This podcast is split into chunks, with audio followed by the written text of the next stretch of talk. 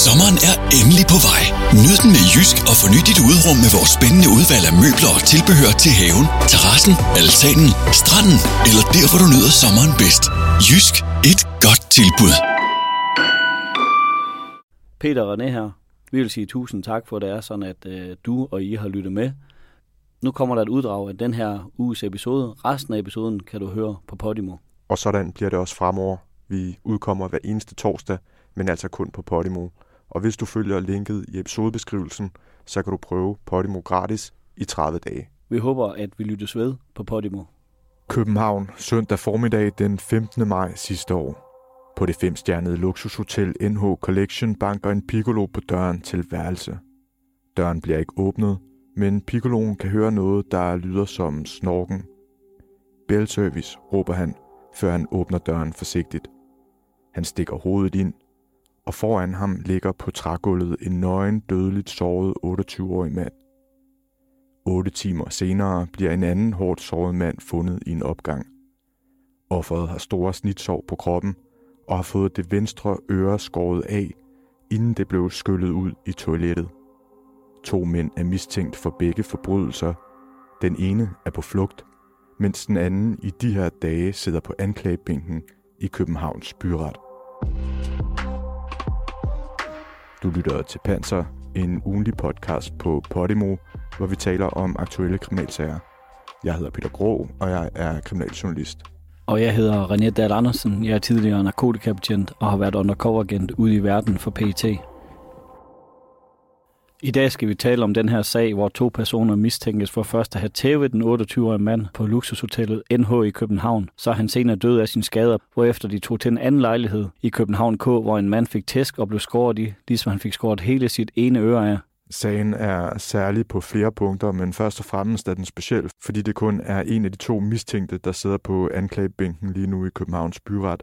Den anden, en hollandsk statsborger, nemlig på flugt og øh, efterlyst. Manden, der fik skåret sit øre af, overlevede, selvom han var i livsfare på grund af blodtab. Men den første mand blev først erklæret hjernedød om aftenen, samme dag som forbrydelsen skete, og dagen efter blev hans respirator slukket, og han blev hermed erklæret død. Og det minder om en anden sag, vi har set i den her uge. En øh, 21-årig mand blev søndag aften overfaldet og efterladt døende.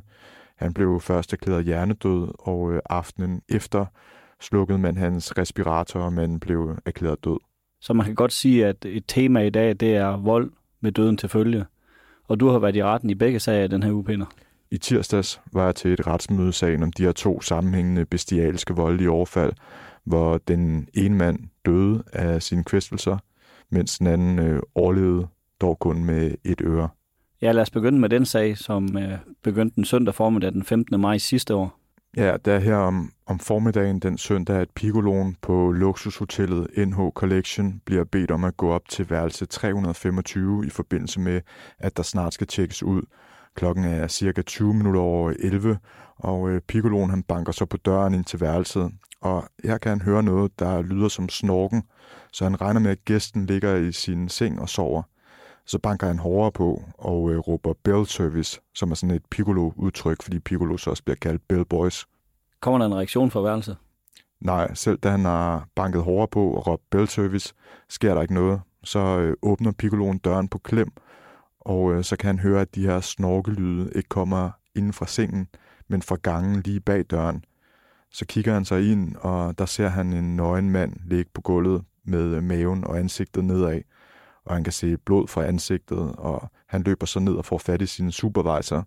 Og de kommer op med hjertestarter og en lille førstehjælpstaske, og der bliver også tilkaldt en ambulance. Og da de kommer op, der vælger supervisoren at tage et billede af manden på gulvet med sin mobiltelefon. Jeg ved ikke hvorfor, øh, men måske som en form for dokumentation, før de vader ind øh, for der ligger jo blod på gulvet omkring den her 28-årige mand på øh, gulvet, øh, og han ligger og raller. Så det, der lød som snorken, det, det er manden, der raller. Ja, og den her supervisor, han er meget opmærksom. Øh, det er det, man gør, når man kommer frem til et gerningssted som betjent. Der sikrer man lige, hvordan det ser ud med sådan en fastfryser, inden man selv går ind og sætter sine egne spor. Så jeg håber, det er derfor, han gør det, og ikke fordi det er sådan, at han tager et billede og eventuelt vise til venner eller sender rundt. Så lad os gå med, at han er professionel og godt uddannet og set en del dokumentarer eller krimier. Og jeg gætter på, at det her billede det indgår i sagsmaterialet. Ja, det gør det, og jeg må sige, at øh, jeg så nogle billeder i tirsdag, som jeg nok aldrig glemmer. Øh, hvad jeg ellers så, skal vi nok øh, komme til, men øh, det her, det var, det var bare det første i rækken af voldsomme billeder. Og det man jo ser, er den her nøgne mand, som ligger med mave og ansigt ned mod trægulvet på hotelværelset, og han ligger så, hans hoved er tættest på døren. På gulvet omkring ham er der plamager og blod, som på det her tidspunkt ser ud til at være størknet, og øh, udover plamager er der blodstænk øh, spredt over gulvet, og nederste del af entréens væg. Øh, hans venstre arm er placeret ned langs øh, kroppen, mens øh, højre arm peger frem, så hånden ligger højere end ansigtet. Og mellem højre hånd og ansigtet ligger sådan et øh, blodigt hotelskilt med teksten Forstyr mig ikke. Ja, og det er det, man skal prøve at huske som øh, lytter, eller som almindelig borger. Og når jeg siger almindelig borger, det er det politi, og ambulancepersonale eller læge, der kommer ud til sådan et gerningssted her. Der bliver altså sat nogle billeder på nethinden, når man ser de her drab eller store ulykker, som man ikke glemmer, og, og det sætter sig. Mens de venter på ambulancen, der prøver hotelpersonalet at øh, tilse ham, øh, offeret, øh, men der kommer ikke nogen reaktion fra ham. Der kommer bare de her ralle lyde. Og så kommer ambulancen, og de kører ham så til skadestuen på Bispebjerg, øh, men her bliver han overflyttet til Rigshospitalet, hvor han så bliver erklæret hjernedød, øh, men fortsat bliver holdt i live, og det gør han indtil næste dag, hvor han om aftenen kl. 19.25 bliver erklæret død, efter at hans øh, familie har valgt, at øh, der kan slukkes for respiratoren. Når man vælger at slukke for respiratoren, og han ligger der på skadestuen, og man tager det valg, hvad er det for nogle skader, han har? Han bliver jo efterfølgende obduceret af en retsmediciner, og øh, sådan en obduktion foregår ved, at man først laver en udvendig undersøgelse, og bagefter en, hvor man skærer kroppen op og øh, undersøger de indvendige skader. Og øh, den udvendige undersøgelse viser en lang række underhudsblødninger, omkring 30 skader på krop og i ansigt. Øh, der er nogle mærker på offerets arme, som ifølge retsmedicineren kan være kommet fra, at han er blevet holdt fast, øh, men det er ikke noget, hun kan konkludere med sikkerhed. Øh, og af andre skader, så er der skader på halsen, øh, og der er øh, særligt en skade, et øh, brud på ringbrusken, som øh, der blev lagt vægt på, og det er fordi, det er en skade, som typisk ses ved kværkning, altså et kvælergreb med øh, hænderne.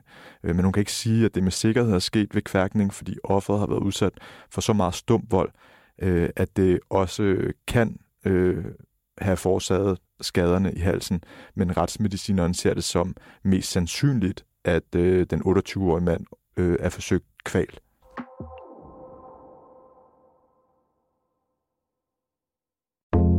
Har du fået svært ved at se det, som er helt tæt på?